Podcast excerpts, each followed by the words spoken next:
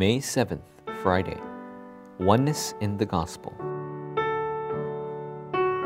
Acts chapter 15, verses 6 through 25. So we all agreed to choose some men and send them to you with our dear friends Barnabas and Paul. What must we do about the problems our churches have today? What must we do about our interpersonal relationships?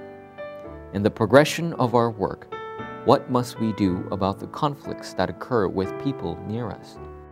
If we can have oneness inside the gospel, all of our problems will be solved. The blessing given to those with the gospel is oneness. For people who have received salvation, the way to win against Satan is oneness. What would happen if we could form oneness in the gospel with our churches? Number one, the Great Covenant is fulfilled when oneness takes place in the gospel. If we have problems in our relationships with others, we must fix them little by little. We will not be able to form oneness if we continue to hold onto our scars and conflicts. The Bible shows us that the miracle of the fulfillment of the covenant arose whenever people overcame their scars and conflicts inside of the gospel and formed oneness. Oneness that brings about the covenant fulfillment binds the authorities of Satan and restores all things through the gospel.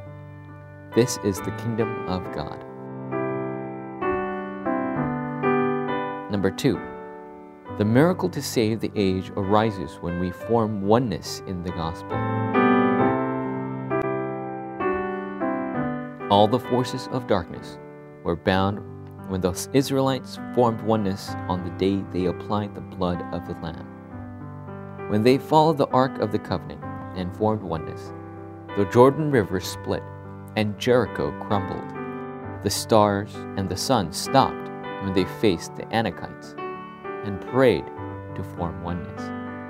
At these times, miracles arose. When they formed oneness through the gospel, they escaped from captivity in Babylon and conquered Rome. Number three, the work of God begins when several people who have oneness through the gospel arise. Because people who have not received salvation move according to what benefits them personally, they ultimately experience conflict and division. However, people who have received salvation are different. The seven remnants did not shake in the face of worldly possessions, fame, or temptations.